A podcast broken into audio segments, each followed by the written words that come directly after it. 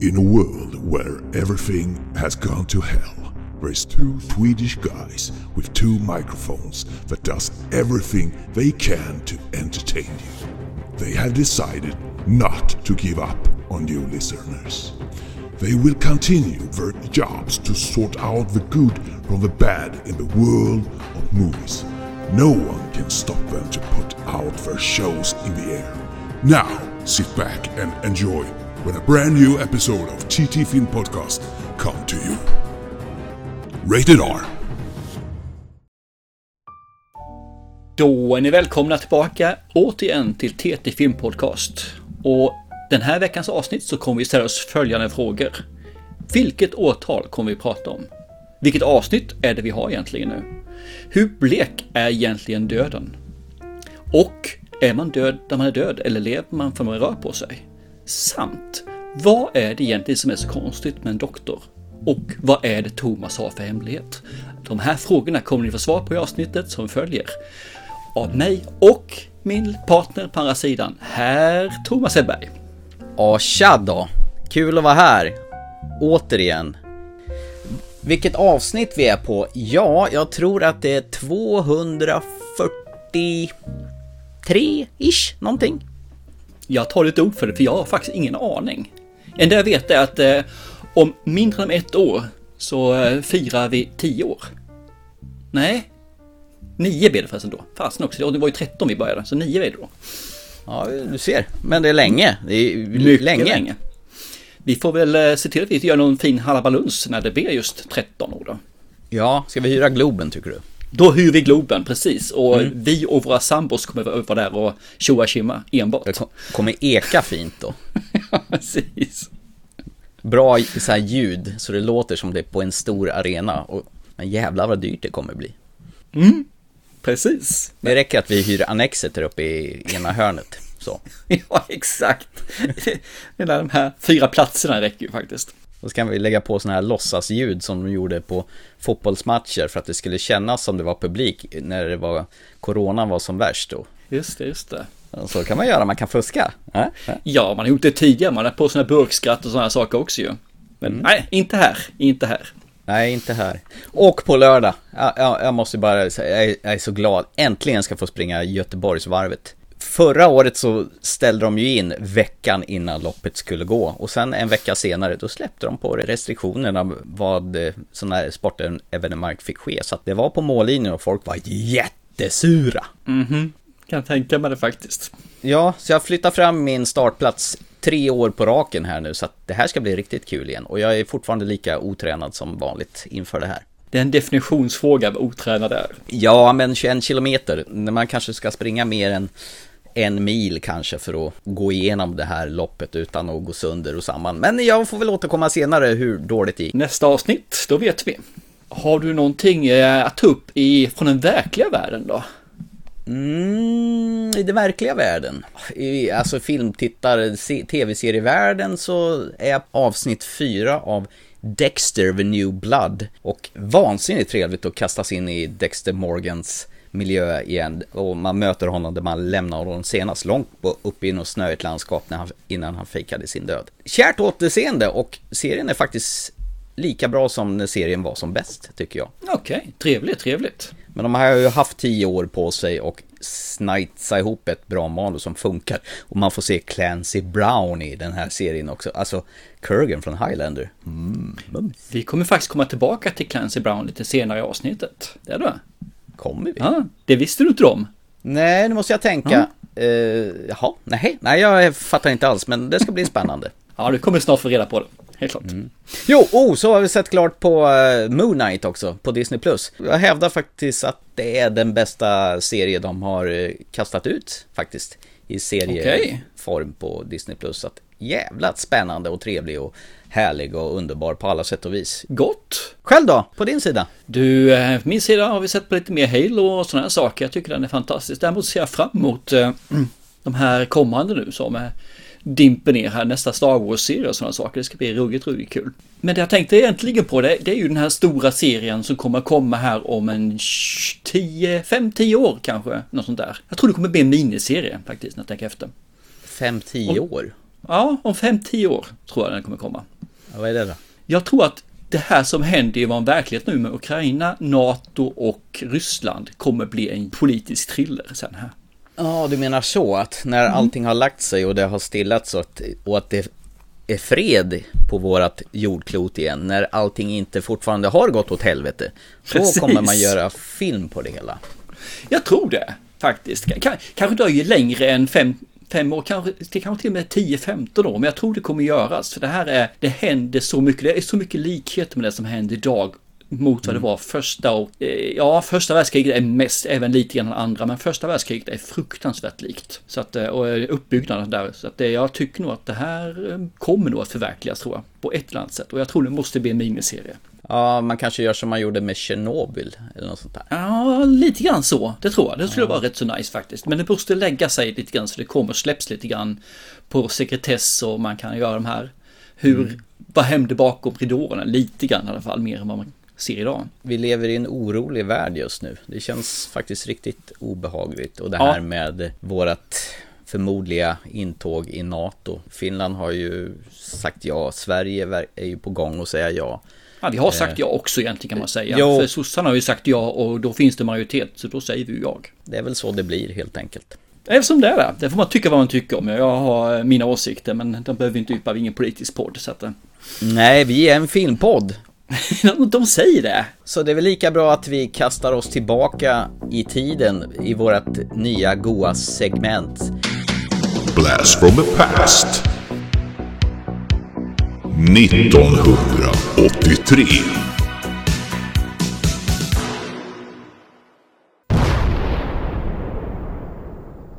Så det här är årtalet 30 år innan Sveriges bästa filmpodd skapades. Ja, jag tycker det känns kul det här segmentet. Det är ju jättelattjo att grotta ner sig i vad filmerna som kom år efter år. Och man blir ju som en liten tonåring på nytt som ska pussa sin första tjej igen. Ja, precis. Ja, det blir lite pirrigt så här. Det pirrar lite i kroppen med det här segmentet. Jag tycker det är jätteroligt. Ja, men jag, jag tycker också det är kul som sagt. är, man upptäcker vilka filmer man har glömt bort och vilka filmer som verkligen kom vilket år. För jag ska villigt erkänna att jag har jättedålig koll på årtalen. När kom den här filmen? Jaha, jag trodde den var två, tre år efter. Nej, det var det året. Ja, okej då. Ja, men det är väl bra att våran eh, Alzheimers får skjutas åt sidan då. Så man får vandra län- längs minnenas allé och se vad som kom då 1983.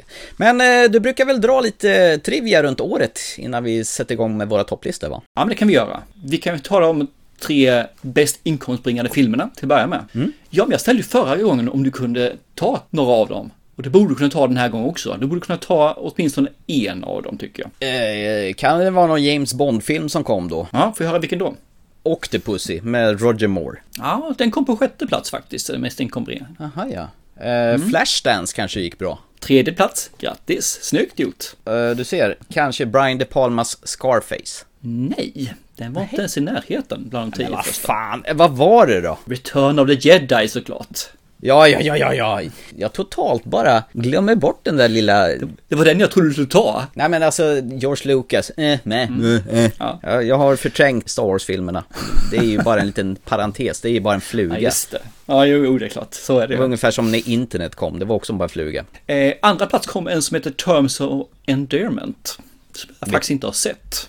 Vet jag inte ens vad det är för någonting. Nej, det är en drama sådär som sagt var, eh, komedidrama, men jag vet inte någonting om den överhuvudtaget. Jag har inte sett den, så det är kanske något man borde se. För tittar man på vilken som blev Oscar för bästa film så var just Terms of Endearment. Vilka är med i den då?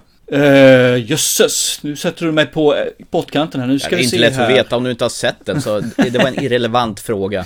Jag kan titta lite grann i mina anteckningar och då är det eh, Deborah Winger, Shirley MacLaine, Jack Nicholson är med faktiskt, Danny DeVito och Jeff Daniels. Det var ju alltså dåtidens gräddfil på skådespelarhimlen. Ja visst, och fakta är att Jack Nicholson fick en Oscar för Best Supporting Actor.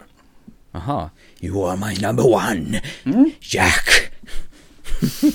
Eh, Best Actor gick till Robert Duvall i Tender Mercies. Jag inte heller Jag vet inte heller vad det är för någon. Men Duvall är ju bra. Han är ju riktigt bra. Ja, ja, det är han. Eh, tittar vi på Best Actress så är det Shirley MacLaine i just Terms of Endearment. Så det är de filmerna som var på ropet när Oscarsgalan gick av stapeln där. Var det så förr att det var mer sådana här pretto-filmer som eh, vann Oscars? Det kanske alltid har varit så när jag tänker efter. Ja, det har nog varit det hela tiden va. Jag letar reda vad som hände det här året, mer alltså bland våra kära skådespelare och det är ganska tunt just 83 verkar det som. Det var inte mycket som hände. Men vi har några stycken här och det ena är att Emil Blunt föddes. Henne tycker du om, det vet jag ju så att det... Ja, Emily Blunt, ja. Hon är numera amerikansk medborgare, eller har dubbla medborgarskap. Mm, hon är ju faktiskt stämmer. en brittisk kvinna, men sen när hon gifte sig med John Krasinski som är amerikan, då var hon tvungen att söka om amerikanskt medborgarskap Mm. genom att hon flyttade till USA. Sen har vi Andrew Garfield, den första Spiderman. Nej, Toby, Toby Maguire var väl första Nej, han var andra för fasen han ju. Sen har vi din favoritskådespelare, manliga skådespelare, Jesse Eisenberg. Oh, vad jag älskar honom! Jag fick någonting kräks i munnen där. Fast nästa tycker vi om båda två faktiskt, det är Rebecca Ferguson. Ja, oh ja, svenska. Och sen kommer vi in på vilka började sin filmkarriär här då om man säger. Och då har vi Rowan Atkinson som faktiskt gör sin första debut här i film. Det var värst. Vet du vilken film det är? Eh, låt mig gissa, kan det vara eh, Never Say Never Again? Mhm, stämmer, stämmer. Jösses, kunde du. Aha. Och sen kommer vi när vi tar upp den som du inte visste om och det är Clancy Brown. Han gjorde faktiskt en debut här också i Bad Boys heter filmen som jag inte heller vet vad det är för någonting. Det är den med Chris Penn tror jag. Eh, Eller Sean Penn. De sitter i fängelse tror jag. Ah, okej, okej. Ja, jag tror inte jag har sett den faktiskt. Har? Nej, inte jag heller, men jag vet om att eh, Sean Penn är på omslaget och att den heter Bad Boys. För jag blandade ihop den med den här eh, Will Smith och eh, Martin Lawrence-filmen med samma namn. John Cusack gjorde också sin debut här. Ja, men han gillar man ju. Ja, jag tycker om honom, det gör jag. Han, eh, han, är ingen, han är inte den största skådespelaren, men jag tycker han är en bra skådespelare faktiskt. Ja, men eh, han är solid. Likeable om man säger så. Det är en sån där som man har svårt att tycka illa om. Och så har vi nästa person som också är väldigt, väldigt likeable, som jag tycker fruktansvärt mycket om. Och det är Nicole Kidman. Alltså gjorde hon debut 83 också? Mm, Bush Christmas heter filmen. Ja. Jag har ingen aning. Första gången jag såg henne var nog i den här serien Bangkok Hilton som han... Den var ju super. Jösses vad bra den var. Det var ju Mad Max-regissören som gjorde den. Den har jag funderat på att se om flera gånger, men aldrig kommit för mig. Jag har för mig att den var skitbra. Riktigt bra. Den var eh, brutal här för mig. Så att, mm. usch. Jag mådde lite dåligt när jag såg den. Jag var ganska ung när jag såg den som sagt var. Så att, Ja, hon hade väldigt krulligt hår i den. ja, just det, i början ja. Ja, den då. Sen går det väl sämre när hon väl kommer dit. ja. Sist eh, och kanske minst, tänkte jag säga, inte storlek men i annat annat, är ju Keith Sutherland. Han tycker du om väl? Du har ju följt alla hans säsonger i... Eh, I 24 ja, 24 som Jack Bauer. Mm, mums. så det, det hade faktiskt vad som hände och skedde. Men har du något mer som du känner till vad som hände det året? Eller är du lika tam som mig? Då? Jag har ett par grejer faktiskt. Ja. 83, det var ju faktiskt året då samma filmhjälte dök upp i två olika filmer samtidigt. Det var enda gången det har skett och det kommer nog aldrig ske igen, så det är ganska unikt. Och de båda skådespelarna är nu döda. Ja, okej, okej. Ja, men då talar jag förstås om James Bond. Eh, 1983 så dök både Octopussy ut och Never Say Never Again, den som du sa Rowan Atkinson gjorde sin filmdebut i. Sean Connery, han lovade ju och svor att han aldrig mer skulle spela James Bond, men hans karriär var lite på dekis här, så de filmbolaget som inte var Eon Pictures, utan eh, de hade lyckats köpa loss rättigheterna till Åskbollen då, som det här var, var egentligen var en remake på. Eh, Så gick Sean Connery tillbaka och spelade James Bond igen, helt enkelt, i Never Say Never Again. Men enligt mig så tycker jag nog att den bästa av de här två som krigade det året om att vara bäst Bond, det var faktiskt Octopussy. Där den mm lite redan för gammal Roger Moore jagar Fabergé-ägg, åker tåg, går på cirkus och stoppar en atombomb och ryska skurkar. Och så får han ligga med Maud Adams för andra gången, för hon var ju med i The Man with the Golden Gun. En av de få som fått vara med två gånger. Ja, hon är faktiskt med i tre filmer. Tre till och med, jösses. Hon är med i den här löjliga övers- svenska översättningen Levande måltavla i A View to Kill, men där går hon bara förbi som en cameo i en snabb sekvens. Ja, det räknas inte riktigt. Nej, räknas inte. Och 1983 var året då Tom Cruise kom ut med hela tre filmer. Den första var The Outsiders, där hela den dåtidens Brat Pack var med. Och en film som heter Ta chansen, eller All the right moves. Jag mm. såg den bara för att Lea Thompson var med, jag var lite småkär i Lea Thompson på den tiden. Och, och, och, det ryktades att man fick se henne naken och det fick man. Och det är det enda jag kommer ihåg av den filmen. Egentligen handlade den om amerikansk fotboll men det, det hade jag faktiskt glömt bort. Och sen gjorde han då Risky Business också, eller eh, Föräldrafitt Föräldrafritt som det hette på svenska. Så tre filmer trycker Tom Cruise ut 1983. Jag får faktiskt lägga till en sak till. Mm. Och det är ju att vi faktiskt fick en Oscar för bästa utländska, eller som inte pratar engelska då så. Eh, Fanny och Alexander, vi hade ju en svensk film där som fick faktiskt Oscar. Jaha. 83. Det var väst filmen G som gemenskap kom ut det här året också. Ah, okej, okay, okej. Okay. Ja, det är en eh, film jag aldrig riktigt har. Det är när Wahlgren, eh, om det är någon av de äldre, Pernilla Wahlgrens ah. brorsa, badar naken med någon tjej i, när de plankar in på någon häst i en stängd bassäng. Och sen eh, kommer jag ihåg att Magnus Uggla har backslick och en lite så här homosexuell DJ i den filmen. Det var det jag kommer ihåg. Och det var Staffan Hillebrand som hade gjort den, som även gjorde Stockholmsnatt. Den där Paolo Roberto sparkar sönder telefonkiosker. Men detta om detta, ska vi gå in på våra tre eh, topplista, de tre filmer som berört oss mest det här året? Det tycker jag definitivt vi kan göra. Eh, jag började sist och det är fan din tur att börja den här gången. Jag har mina tre, men jag har banne mig inte rangordnat dem ordentligt ska jag erkänna. Men jag kan ha gjort det i alla fall. Jo, men jag kan ha, eh, jag kan rangordna dem nu. du, du, är, du är alltså inte färdig med din lista här riktigt? Nej, jag vart inte det. Jag hade jättesvårt för det så att jag vet egentligen hur jag skulle, vilken ordning de skulle vara i. Okej. Okay. Jag kan börja med min trea i alla fall här då. Okej. Okay. Och jag tänkte faktiskt, jag, tänkte, jag har alltid trott att det här var en Monty Python-film, men det är ju inte det. Utan Nej. det är bara att det är många för Monty Python, och framförallt så är det en Monty Python-person som eh, regissör. Eh, Yellowbeard, Kapten Gulskägg. In all the Spanish Main, only one name makes cutthroats hoist their sails, hide their loot, and hold their noses. Yellowbeard. With Graham Chapman as Yellowbeard. Kill this stupid old bugger! Oh, hold your horses. I can't kill him. He brought me up, just like a father. Oh. oh. Peter Cook as the nobleman. There we are. Whoopsie daisy. You may bang your head on the floor until forgiven. Madeline Kahn as Yellowbeard's wife. What, you again? Again? I haven't seen you for 15 years. What is it this time? John Cleese as the Queen's eyes. He's blind, you stupid son. I may be blind, but I have a cute earring.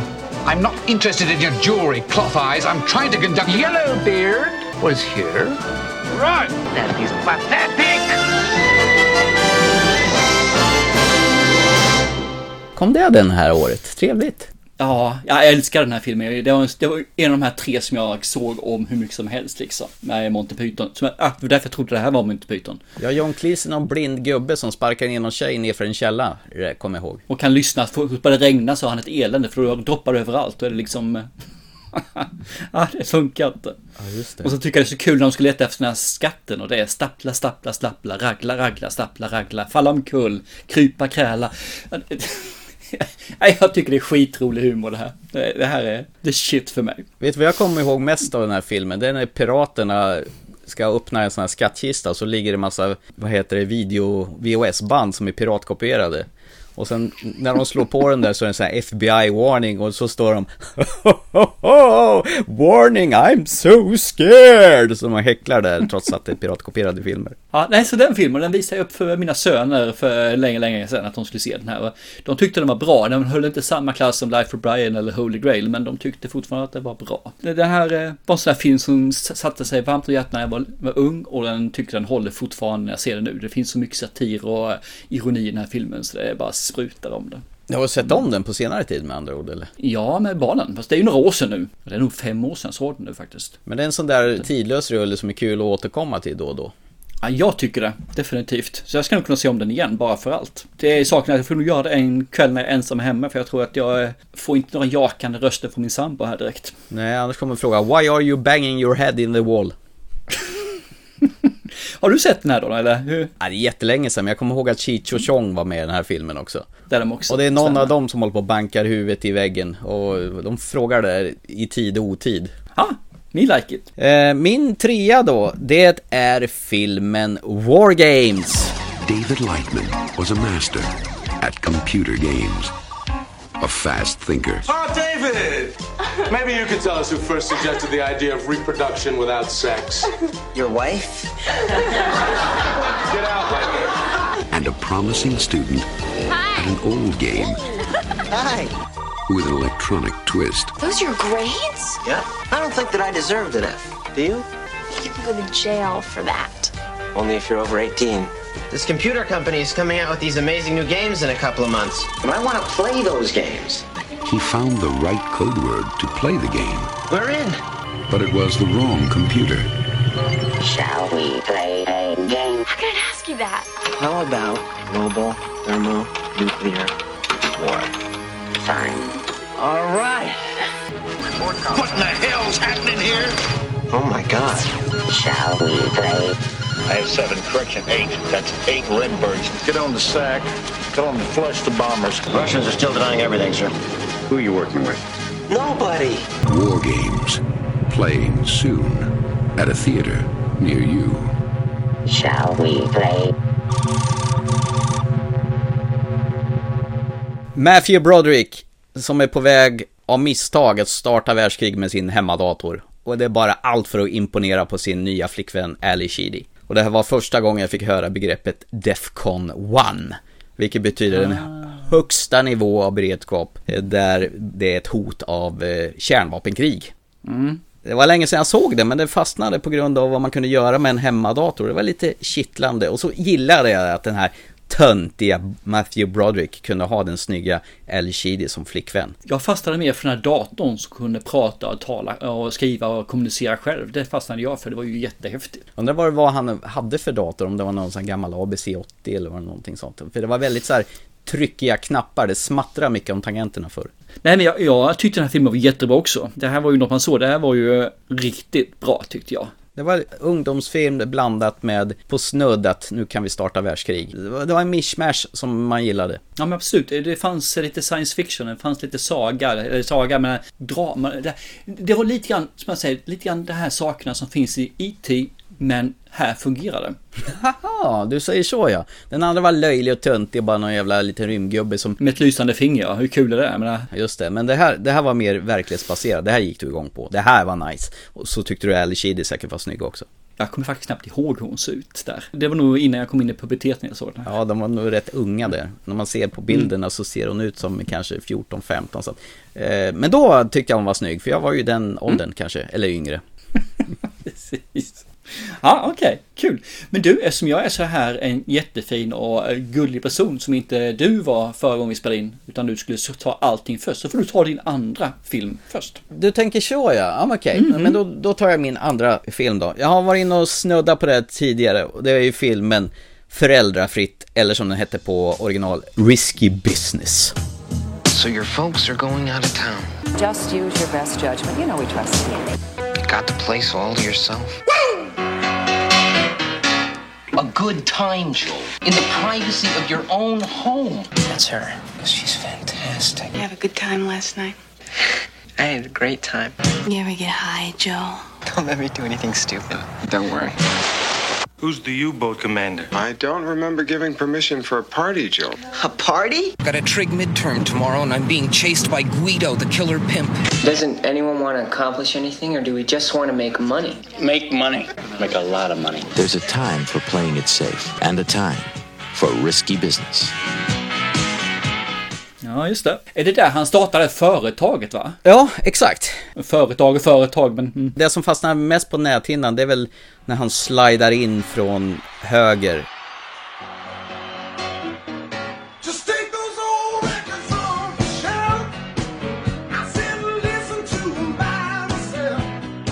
I skjorta och kallingar och mimar till den här låten Old Times and Rock'n'Roll av Bob Seger. Och den har ju tagits hur många gånger som helst gjort om den.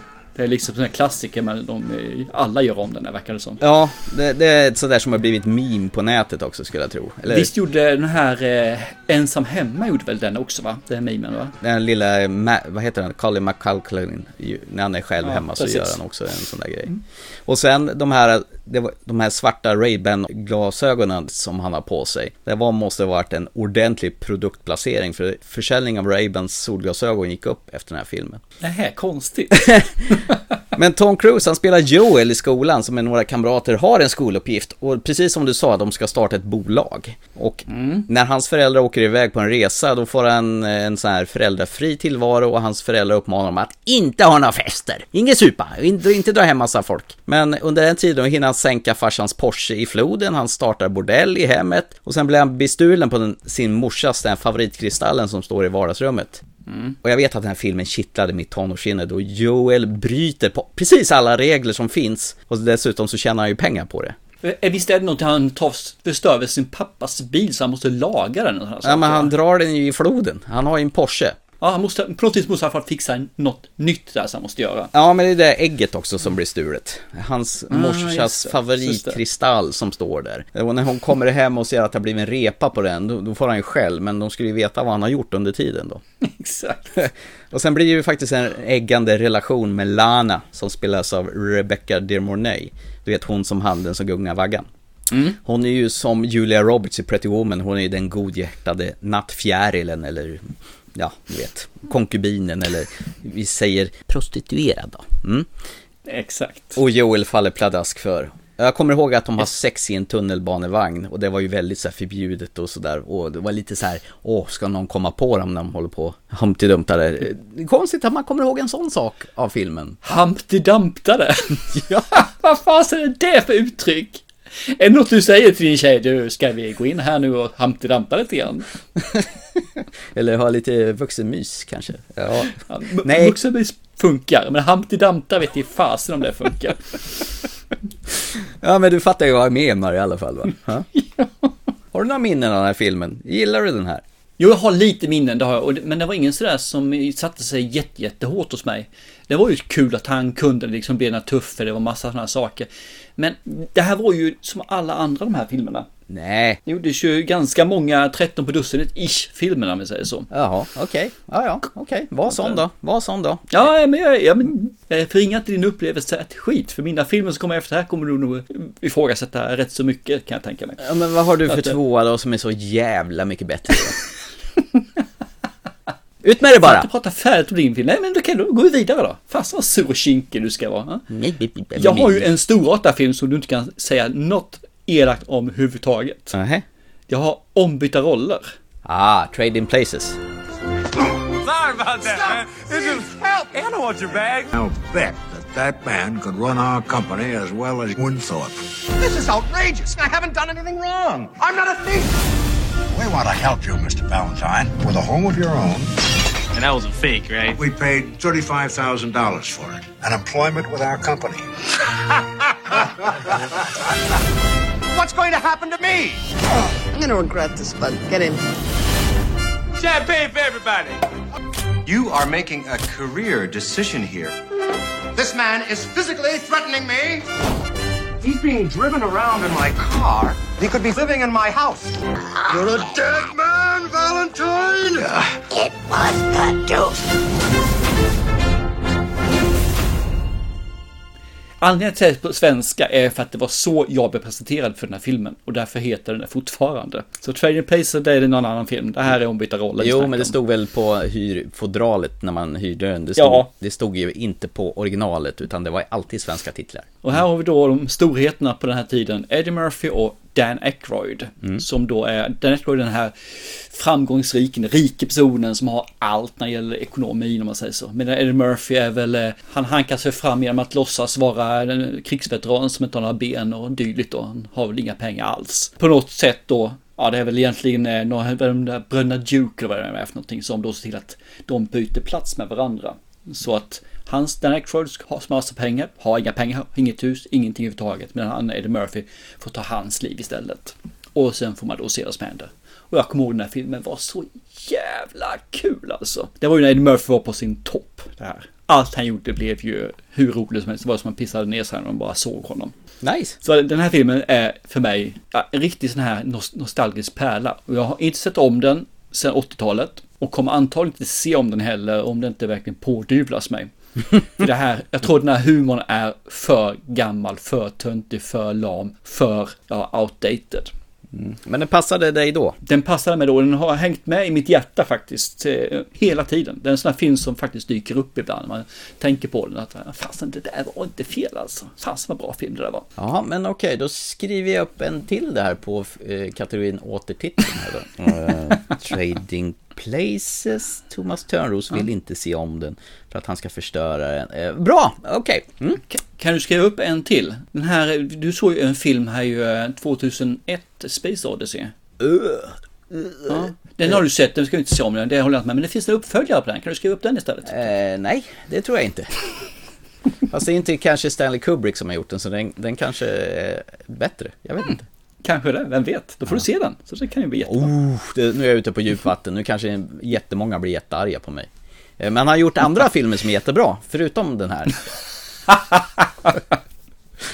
Oh, den du!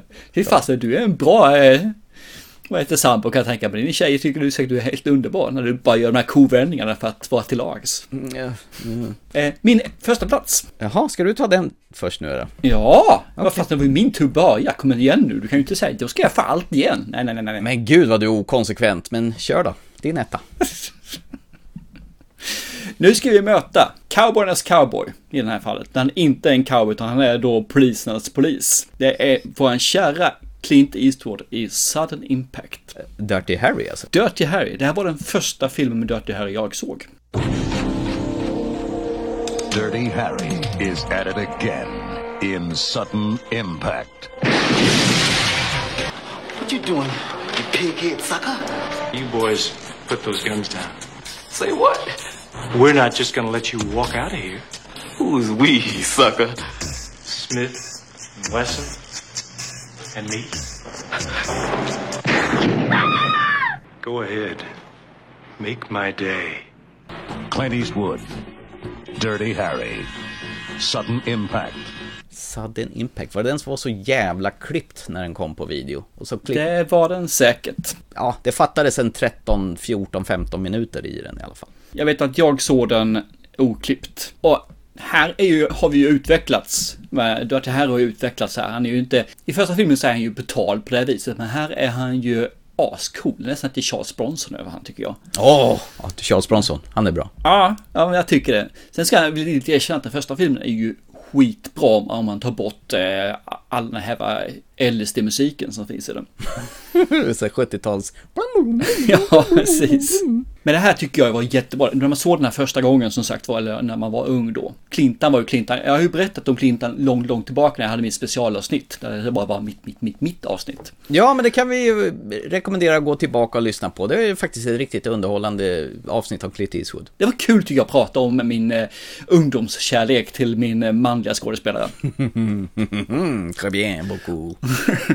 ja, men vi såg ju de här filmerna, alla filmer som är med Clint Eastwood gick upp på ett bolag som heter RTL, ett tyst kanal. Och de eh, dubbade ju alla sina filmer till just tyska. Jag tror han hette han Kurt, tror han hette han som eh, var dubbningens expert om man säger så. Han dubbade alla filmer? Ja, han dubbade alla. Han var ju Clint Eastwood i, han var lika stor som Clint Eastwood i Tyskland, den som dubbade honom. Okej. Okay.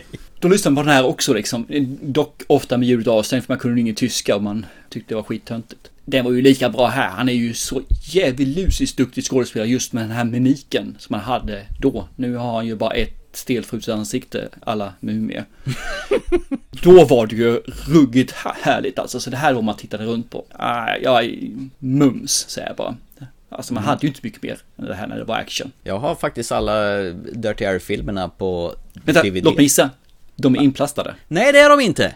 Ja, det var faktiskt när Expressen hade för ett gäng år sedan så här Clint Eastwood-festival när de släppte en film i veckan tillsammans med den här söndagsbilagan. Mm. Så, så de köpte jag upp. Det här är faktiskt de enda Clint Eastwood-filmerna jag har behållit. De resten har stått inplastade under alla dessa år, men just Dirty Harry-filmerna har jag kikat på.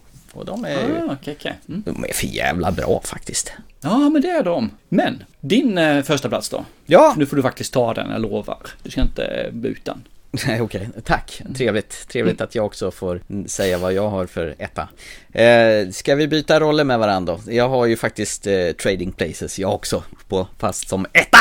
Ooh, okej. Nej men alltså, John Landis regisserar ju den här deluxe förväxlingskomedien då. Och det var ju som du sa, Eddie Murphy var ju den nya fräscha komikern som kom från Saturday Night Live och började få riktig stjärnstatus. Och han eh, spelar ju i utläggaren Billy Ray Valentine. Blir föremål för experimentet där en hel dollar ligger i potten. Det förstör en människas liv mot en dollar. Ah, ja, de här eh, finansgubbarna, de heter Randolph och Mortimer dessutom. Duke.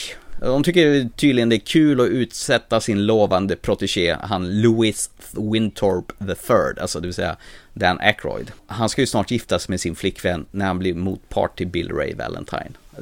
De byter plats med varandra. Och Louis ska ner till botten och bli helt utblottad och Bill Ray ska bli den nya smarta finanskillen. Jag minns den som att den var både tragisk, varm, lite sorgligt och dessutom vansinnigt rolig. Mm. Jag kommer ihåg främst det som ploppar upp i huvudet det är när de åker tåg på slutet utklädda där Jamie Lee Curtis är Inga från Sweden och eh, Eddie Murphy han är någon Merry New Year! Han, han säger fel hela tiden. Merry New Year! Happy New Year. In this country, we say Happy New Year. Thank you for correcting my English which stinks. I am Nanja Ibuko, exchange student from Cameroon. Ha ha ha ha ha! beef jerky time. You want some beef jerky? Oh, please. There's plenty, you know. Happy New Year! Oh, that's kind of you, son. And a happy new year to you, too.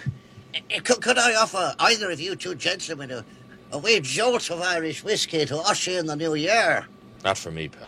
And let me see now, you would be from uh, Austria, am I right? No, I am Inga from Sweden. Sweden? But you're wearing lederhosen. Yeah, for sure, from Sweden. Please to help me with my rucksack. Oh, yeah, sure, why not? Lionel! From the African Education Conference, right? Yes, Simon. I was director of cultural events at the Haile Selassie Pavilion. I remember the pavilion. We had big fun there.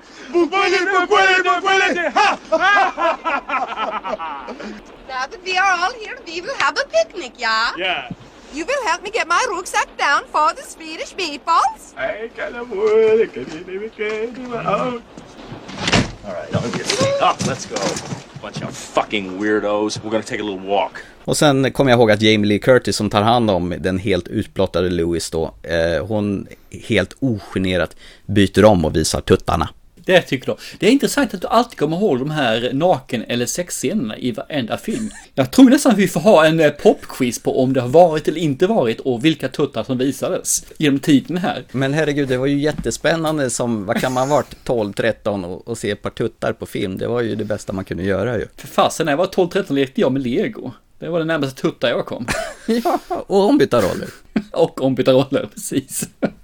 Nej, men det, det, det, vissa saker fastnar på näthinnan, men den här var ju fruktansvärt rolig. Jag skulle faktiskt vilja se om den här, så jag får nog ta, sätta upp den på listan. Sen, vem vet, plötsligt så händer det. ja då, upp med på listan, jag är inte den som är den. Nej. Hade du några bubblare? Absolut, jag, jag tänkte jag kan ju inte ta med, vad heter Star Wars varenda jäkla gång här alltså, så de, det fick vara utanför. Och så hade jag faktiskt War Games som en bubblare också. Mm. Och så har jag två stycken filmer som jag tyckte var jäkligt nice, det är sådana här Stephen King-filmer. Det är Dead Zone och Christine. Ja, Kudjo kom det här året också. Ah, missade jag. Ja, Okej. okay. Jävligt mycket kom. Stephen King det här året. Men Dead Zone tyckte jag var en riktigt, den var riktigt nära att slå sig in faktiskt, för den filmen kommer jag ihåg var superbra. Ja, var det inte David Cronenberg som gjorde den? Med... Eh, kan nog stämma. Christopher Walken i huvudrollen va? Mm, det stämmer nog. Det var jättelänge sedan jag såg den. Jag har bara en känsla av den nu alltså. Den var riktigt nice. Ja, Christine var också bra. Det var John Carpenter som gjorde den med jävligt mm. suggestiv musik. Och den här bilen som var jävligt svartsjuk. Kommer ihåg den här fina segmenten när det är ju sådana här sprickor i vindrutan. Ju mer han leker och smeker den liksom så ser man hur glaset reparerar sig själv. Mm. Det tyckte jag var skithäftigt gjort.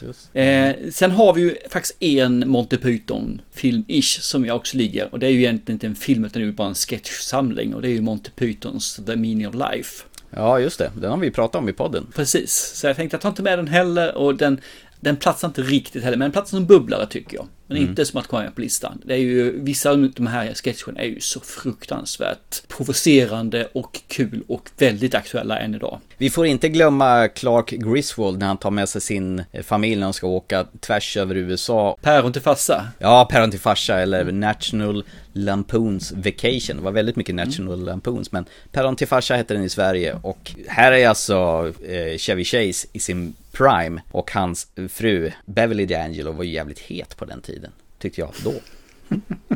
Ja, ja, det ja. Ja, den är rolig, den gillar jag. Ja, jag förstår att du gör det. Den är inte riktigt min grej, så inte. Men såg du Flashdance då när, när det begav sig, eller har du sett den överhuvudtaget?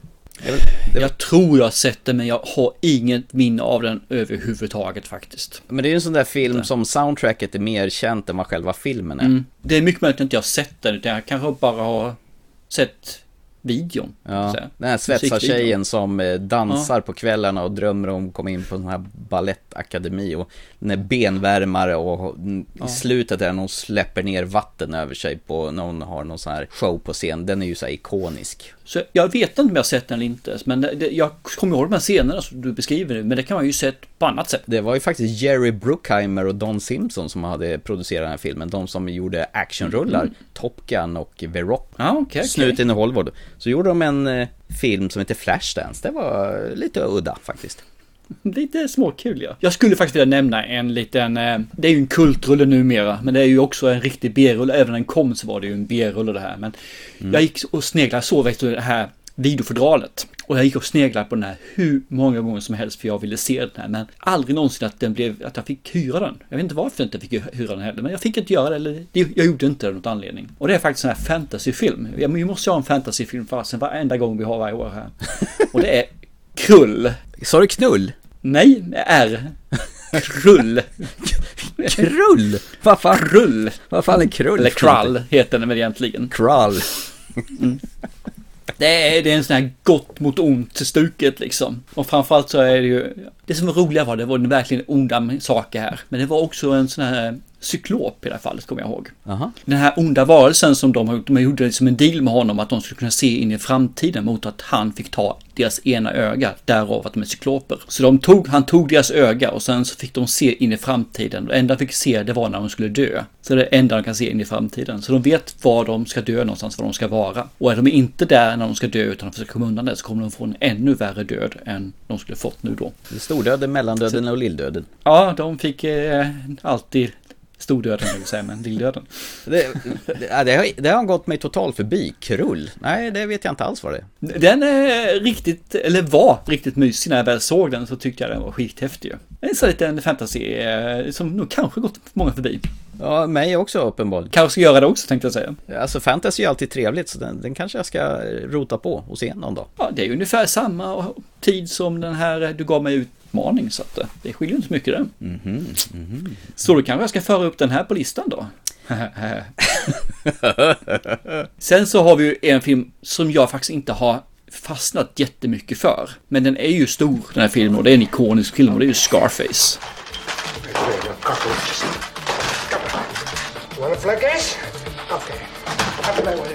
Say hello to my little friend! Så att, jag jag vet inte, jag, jag tyckte aldrig den var så riktigt, riktigt bra alltså. Men eh, pratar man med alla andra i stort sett så idiotförklarar de igen. Ja, det, jag kommer ihåg att den var fruktansvärt rå för den tiden då, då det begav sig. Brian De Palma, han sparade inte på slafset och så kommer jag ihåg att Michelle Pfeiffer var hans flickvän. Hon var jävligt snygg på Mm. den tiden. Eh, Det är hon ju faktiskt har fortfarande. hon tuttarna också? Nej, hon visar inte tuttarna i den här. Inte vad jag minns i alla fall. Det, det, man kommer ihåg, det är väl när han sitter på slutet där i ett berg har kokain. Du vet, det Mm. klassiska uppgång och fallet. Och när de invaderar hans mansion och han pepprar på med kulsprutan där. Eh, ikonisk scen. Det är också det enda jag tror jag sett i hela filmen. Eh, Okej. Nej, men jag tycker den är svinbra, men den är alldeles för lång. Den är nästan tre timmar. jag har sett hela filmen så har gjort faktiskt. Men jag kom, det är enda jag kommer ihåg i filmen. Mm. Men jag tycker inte den, nej jag fastnade inte för den, det gjorde jag inte. Känner du dig nöjd? Ska vi, eller har du något mer att ta? Eller ska vi... Nej, det enda jag skulle vilja säga, liksom, jag försöker rangordna vilket år som är det bästa filmåret nu genom att gå igenom dem. Mm. Och jag har ju haft 81 som bästa filmår. 82 nådde inte upp till filmåret 81. Och 83 gör banne mig inte det heller, utan 81 är fortfarande det filmår som jag känner är bäst hittills. Du håller det högt. Mm, det gör jag faktiskt. Ja. Nej, jag, jag, alltså jag gillar 1983, känner jag. Det kom väldigt mycket sådana här oväntade filmer där som man gillade, som man... Det var inga sådana här som, de dök ju bara upp. Vi kände gjorde alla filmer förr, för man hade ju ingen som helst att kolla upp om filmer då, men... Precis. eh, det, var, det var en skön blandning det här året. Eh, och, Mm. och så tre filmer av Tom Cruise, bara en sån sak. Aha, just det. Det är klart. Mm. Tänkte inte på det. Ja, vi får väl se hur hela det här decenniet rundas av här vad det lider.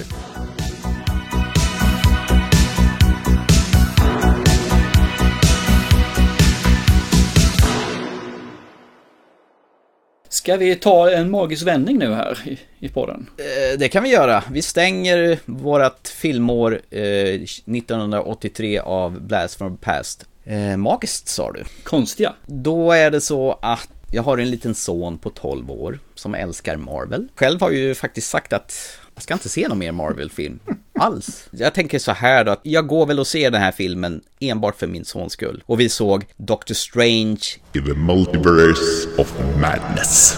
Every night, I dream the same dream. The nightmare begins. I did what I had to do to protect our world. You cannot control everything, Strange.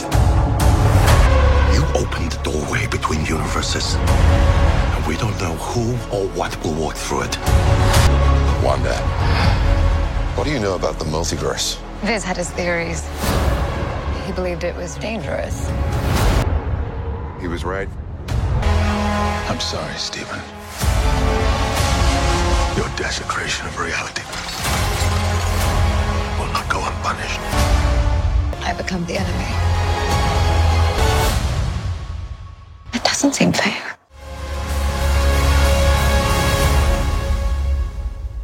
Yeah! Isak, min son, han bad ju så snällt och så tittade han på mig med sina bedjande ögon så här. Och, och, och mitt pappahjärta kunde ju liksom inte, nej, riktigt så var det faktiskt inte. Nej. Anledningen är faktiskt att det är Sam Raimi som har regisserat den här filmen. Mm. Jag älskar ju faktiskt hans, de här tidiga Evil Dead-filmerna. eh, Evil Dead 1 och 2 och Ash vs. Army of Darkness. Jag gillar ju även den här Darkman som är på sätt och vis någon sån här tidig superhjältefilm med Liam Neeson. Även hans eh, skräckis Drag Me to Hell. Mm. Drag Me to Hell är ju riktigt bra. Ja, vad har de här filmerna gemensamt då? Eh, San Raimi gjort, var det regissör? Ja, och det, alla är ju skräckfilmer också. Ja, ja, men Darkman skräckfilm. Nej, kanske inte, men den har lite element av det makabra i den filmen. Så. Ja, jo, okej. Ja. Mm. ja, men det är också som det gemensamt med de här filmerna, att, att han alltid gör dem med glimten i ögat. Efter jag läst att eh, Sam Raimi skjuter in lite skräck i den här Doctor Strange-filmen, i The Multiverse of Madness, så tänker jag att ah, jag kan nog tänka mig se den här i alla fall. Ja. Och, Fast å andra sidan är den från 11 år. Jo, jag vet. Det, det gör ju så att det, det kan ju bli pannkaka av det hela. Men sen är ju också Elisabeth Olsen med som spelar sin karaktär Wanda Maximoff. Mm. Och jag tyckte ju om WandaVision, den här serien som gick på Disney+. Plus. Ja, precis. Och jag tyckte den serien var helt magisk. Jag såg faktiskt om den två gånger. Och det är inte ofta jag ser om en serie. Okej, jag har inte sett den än faktiskt. Jag kan säga så här, om du ska ge dig på den här filmen så är det inte så dumt att ha sett eh, WandaVisions innan. För det, det verkar ju vara någonting så genomgående med Marvel, att de vet att de har en stor fanbase och att de litar på sina tittare, att de konsumerar precis allt som släpps i Marvel Cinematic. Fast det är rätt intressant för de har gått ut också sagt att se Marvel-serier och Marvel-film ska vara separerat. Ja, men det är det inte. Men det, det är det de gått ut med i alla fall, vet jag. Ja, nej jag vet, men eh, man har väldigt stor nytta av att ha sett WandaVision innan man ger sig på den här. Mm. Så att, sagt och gjort, vi eh, går och eh, ser den här filmen på bio. Vi sätter oss ner, det blir mörkret sveper över salongen. Jag stör mig på några jävla ungjävlar som inte kan lägga ifrån sig sina mobiler och som vanligt så. Men jag försöker bara fokusera på den här filmen. Det här ska bli kul, tänker jag. Mm. Marvel-loggan rullar på och sen CGI Bonanza direkt. Oh! Alltså, vi hittar Doctor Strange i någon sån här märklig svävande dimension tillsammans med en ung tjej. Och tillsammans försöker de ta ihjäl ett stort dött animerat monster. Och jag tänker, nej, nej, nej! Alltså öppna filmen med det som brukar vara den sista halvtimmen i, ja, ta vilken jävla Marvel-film som helst. Jag hatar den redan tänker jag när jag sitter där. Som tur är så vaknar Steven Strange upp kallsvettig och tycker nog att hans obehagliga dröm var alltför verklig. Gud vad skönt, känner jag. Mm. Han ska gå på bröllop, närmare på sin ex-flickväns eh, Christines bröllop. Eh, det är hon som spelar av Rachel McAdams från förra filmen. Mm. Han har ju stött bort henne för det, det är mycket viktigare att rädda världen istället för att satsa på den enda kvinnan han någonsin har älskat. Det är ju så man gör, eller hur? Definitivt. Jag gör det varenda dag. Det här bröllopet han går på, det blir stört av en någon jävla bläckfiskliknande monster som börjar härja i stan och Doctor Strange hoppar ner från balkongen för bröllopsfesten för att mota iväg den här varelsen då. Den har satt sitt sikte på en ung tjej och det där monstret gör allt för att få tag i henne då. Och, men Strange kommer ju till hennes undsättning och hjälper henne och det är ju precis samma tjej som han drömde om i natt. Hon förklarar för honom att det inte är en dröm han har upplevt utan det är en annan dimension av hans andra jag. Och monstret som är ute efter henne är ute efter att kidnappa henne i sitt universum. För hon är ett hot, för hon kan färdas genom det här olika universum. Då tar ju Doctor Strange kontakt med Wanda som är kunnig på det här området. Men det skulle han ju inte alls ha gjort för hon har sin egen lilla agenda. Nu har jag alltså bara beskrivit den första tio minuterna av filmen och, och sen tänker jag inte yppa någonting där för att det här är en sån här film som eh, är som en lucköppnare. Ja, okej, okej. Ja, vad ska jag säga om det jävla spektaklet då? Mm. Inledningen gjorde mig skitförbannad med att de börjar i 120 eh, och bara kastar ut sådana datanimerade effekter. Börjar man på det här viset, då är det väl, kommer det väl bara accelerera, tänker jag. Tack och lov så lugnar det ner sig lite grann och det lugnar faktiskt ner mig i biostolen också. Och filmen tar oss med på en resa genom olika världar och det både överraskar och har faktiskt för en gångs skull en vettig historia att berätta. Benedict Cumberbatch, jag gillar han verkligen. Allt från när man såg honom från Sherlock och framåt. Han har ju faktiskt en bred palett på sin repertoar. Och när han får sin andra film, då går man lite djupare i karaktären Stephen Strange. Och man ser och förstår hans driv, hans problematik med sitt ex-flickvän eh, och motivationen för att lösa konflikterna. Och för en gångs skull så är det inte en superskurk som bara vill ta världsherravälde och förstöra världen. Det finns äntligen ett vettigt motiv. Det är gött va? Ja, okej, okej. Mm, mm. Sam Raimi, han är ju en sån här regissör som vet vad han vill och det känns som han har fått rätt så fria tyglar av Marvel och Disney. Jag vet att han blev rätt sur på Sony som skulle kontrollera honom när han gjorde de här tre Spiderman-filmerna som han gjorde. Den sista då, då gav han upp så han svor att han aldrig mer skulle göra en superhjältefilm. Men det var någon som skickade en manuset till honom och sa är det inte dags att du försöker igen? Så visst får vi se en del av hans humoristiska skräckinslag i filmen. Då, i tredje akten, då sjunker jag ner i biostolen och, så börjar jag njuta i fulla drag. Okej, okej. Ja, filmen är fantasifull. Den är visuellt bländande och effekterna är faktiskt riktigt jäkla bra. Det passar 2022. Man märker att det har gått framåt. Och vi bjuds på en hel del oväntade karaktärer nu när Disney nu äger både Marvel och 20th Century Studios. Jag säger inget mer om det. Vad vore en Sam Raimi-film utan Bruce Campbell? Han får ju en liten biroll i den här också. Han har ju var ju med i samtliga av Raimis Spiderman-filmer så det vore ju konstigt om han inte var med i den här också. De är ju faktiskt polare. Om jag ska summera så är det ju en härligt knasig, galen bioupplevelse det här som ska ses på bio. Eh, när jag klev ut från bion så kunde jag och min 12-åriga son konstatera att det var faktiskt värt biobesöket. Ja, Okej, okej, trevligt. Och när den har fått marinera några dagar så tycker jag att den höjer sig ännu snäpp bättre faktiskt. Eh, Den här tjejen som han eh, räddar, är det någon speciell där? Vad heter hon? Hon heter America Chavez. Eh, Ja, man har inte sett henne tidigare. Hon har ett... Heter hon, alltså skådespelerskan heter American Chavez? Nej, det är hennes eh, karaktärsnamn. Hon heter... Vad heter skådespelaren då? det går ju knappt att uttala. Eh, Börjar med ett X. Choctil Gomez. Jag måste ju vara någon spansk eller italiensk härsprång, men Choctil Gomez är helt jävla omöjligt att och, uttala faktiskt. Gör mig en tjänst om du ska se den här filmen. Gå inte in på IMDBs eh, rollista och se vilka som är med, för det sabbar lite överraskningarna. Om du inte redan har gjort det förstås. Gått in på IMDB och kollat? Mm, vilka som är med i filmen. Eller, eller sett den? Eller vad menar du? Nej, men alltså vilka som är med i filmen. För det dyker upp lite folk som eh, är... Det, det blir lite så här överraskningar i filmen. Så let it be. Det här höjer sig faktiskt över de flesta av Marvel-filmerna som studion har skitit ur sig på senare tid. Och när det står i slutet av eftertexten att Doctor Strange will return, då blir jag faktiskt glad.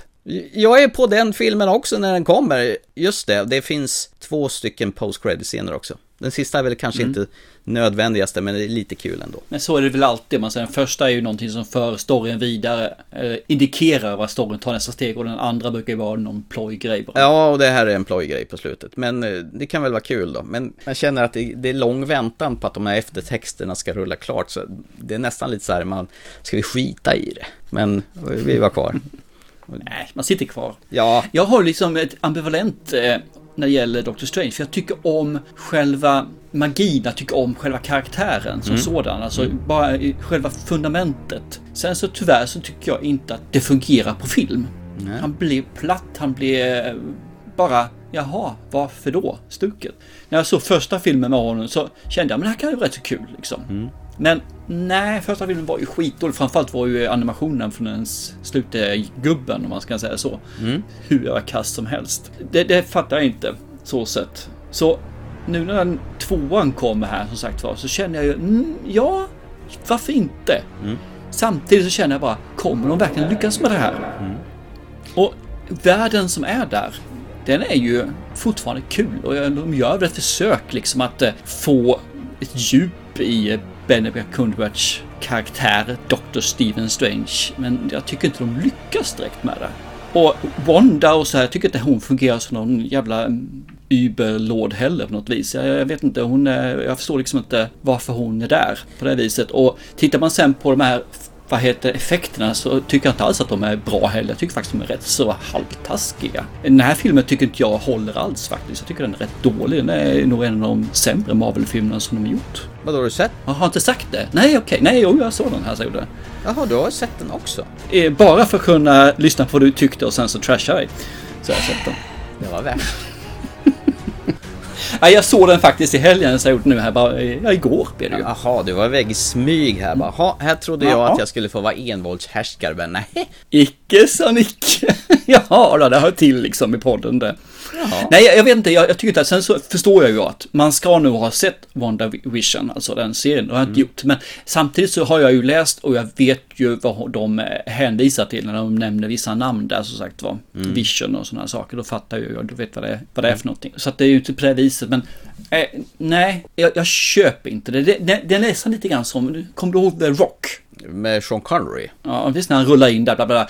Anledningen till varför de ska bomba den här jävla stan med Stinger-missiler och vad det var för någonting. Det är så tunt och det är så dumt. Ja, det är för att vi ska få pensioner. I det här fallet är det exakt samma tunna sak. Jag vill, för jag ska... Jag ska inte avslöja det, för det blir väl kanske... Nej, det spoilar vi ingenting nu.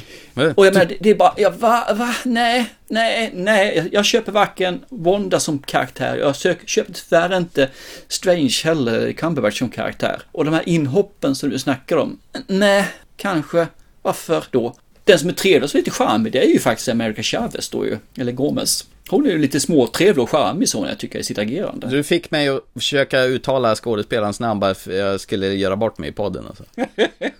En jävla gris. Nej, det skulle jag inte göra mot dig min kära kollega. Tycker inte det är kul det här med massa olika multiverse då? Det, är ju, det är alltså gör ju så att man kan ju göra oändliga historier egentligen. Mm. Och det var det misstaget de gjorde i serietidningarna, för då hade de också en jäkla massa, vad heter multiverse där. I vissa universum så levde den här och andra dog och det gick inte att hålla koll på vem som gjorde vad. Okej. Och jag förstår att de kanske vill göra det här och kan kanske hantera det på ett snyggare sätt, men jag tycker inte om det, så jag inte gör faktiskt. Och jag tyckte det här var helt fantastiskt. Jag var helt såld på det här. Nej, det här är skit. Det är skitbra. Ren, skär dynga är det. Två timmar av bortkastad tid. Äh, två timmar och sex minuter för att vara exakt. Ja, men det var sex minuter som var ganska bra. Ja, ja, ja. Okej, ja, ja. Mm. Jag gillar den här jättemycket i alla fall. Ja, vad kul. Jag trodde faktiskt du skulle rata den här också. Så jag, jag satt efteråt och pratade med tjejen. Hon tycker den var OK, som hon gör faktiskt. Men, Men du- eh, jag tycker den här är... Nej, det, det känns som man skrapar nu i, i bottenslammet efter karaktär, efter sätt som man vill göra någonting och det blir bara konstlat och tillstycklat. Jag är helt mållös. Jag vet inte vad jag ska säga. Jag märkte det. Det var jävla inte för det. Ofta det händer. Så att, Här för en gångs skull så höjer jag en Marvel-film till skyarna. Jag som tycker det mesta är Marvel-drar väl i Marvels universum. Och sen bara sågar du skiten ur den. Det här var märkligt. Vad ska jag göra? Jag måste ju tillrättavisa dig. Det här kallas ju uppfostran. Det kan inte vara så här att du i ett annat universum har sett en annan eh, Doctor Strange in the Multiverse of Madness. Så det, det är kanske inte den riktiga Thomas Törnros jag pratar med, utan det här är ett eko av en annan Thomas Törnros i en annan dimension som lever... Du menar Things just get out of hand. Så så kan det ju vara. Så att ge mig tillbaka den riktiga Thomas Törnros i andra änden så, så kan du bara gå iväg och köpa glass eller någonting. ja, ja, jag känner mig likgiltig inför det här. Ja. Men vi säger så här då, förutom den här enstaka isolerade händelse av mitt Marvel-förbud så återgår jag att inte längre titta på Marvel-filmer. Jag lovar. ja, men då så, då vet vi det. Men Marvel-serier, där kör du fortfarande då? Alltså. Jajamän. Fy fan vad bra det är. jag hör jag talar emot mig själv hela tiden. ja då. Och jag tycker det är lika roligt varenda gång. Eh, ska vi lämna det här då? För det här blev ju oerhört pinsamt där. Pinsamt? Okej, okay, jag tycker det var skitkul. det var därför det var så jävla tyst där, bara för att du skulle komma med atombomben här när jag var färdig. Bara, jag har också sett den och tyckte det var skit. Det, det är tur vi inte kör med en sån här, eh, vad heter det, kamera så du ser mitt ansiktsuttryck för då hade det varit det här diaboliska samtidigt som jag hade gnuggat händerna. Åh, prata du bara, du ska bara se vad som händer när, jag är, när du är färdig. när jag öppnar käften och jävlar ska du få. Ja, här kommer allt kräks bara, du är som hon, eh, vad heter hon, i Exorcisten, Reagan, som bara spyr på han. Ja, precis. Prästen Merritt, eller vad fan han heter, Max von Sydows karaktär. Först ska vi vrida huvudet eh, ett varv och sen ska vi spy. Och sen ska vi flyga lite grann. Hade så varit rätt läskigt om du vrider huvudet i bion på den som sitter bakom dig bara Vad fan händer nu? Ja, det hade varit kul faktiskt. Ja, ja. Mm. Nej, men ja, vi kan väl säga att vi är klara med uh, Doctor Strange and uh, the Multicrap. Uh, nej, det är inte Multicrap. The Multiverse of Madness. Strange. Fate of the multiverse depends on us. Careful, Stevens. This path exacts a heavy toll. Okay. Marvel Studios, Doctor Strange in the Multiverse of Madness. Only in theaters May 6th. Tickets on sale now. Ska vi gå in på nästa nystart av en eh, rätt så lång serie, vad kan man säga? Serie och serie, men en, eh, en filmgenre. Ja, det kan vi göra. När man trodde att man inte skulle få se mer spelfilmer med Alice i Resident Evil, då trodde man ju helt rätt. Ja, absolut. Hon är ju det är slut. Final Chapter är redan gjort ju. Så nu nystartar man Resident Evil med Welcome to Raccoon City. Every story has a beginning. Discover the origin of evil. Why are you back here, Claire? Your conspiracies weren't true when we were kids. They're not true now. We need to expose Umbrella. I'm afraid, Claire. I'm afraid of what they're gonna do to this town. Umbrella, they had an incident. I'm talking Chernobyl, if you know what I mean. People are getting sick. You gotta help us, Claire. Let the world know what's really going on. 25 years and my life is still. We have to contain this. Trying to get up that great big hill of hope. Shall we go?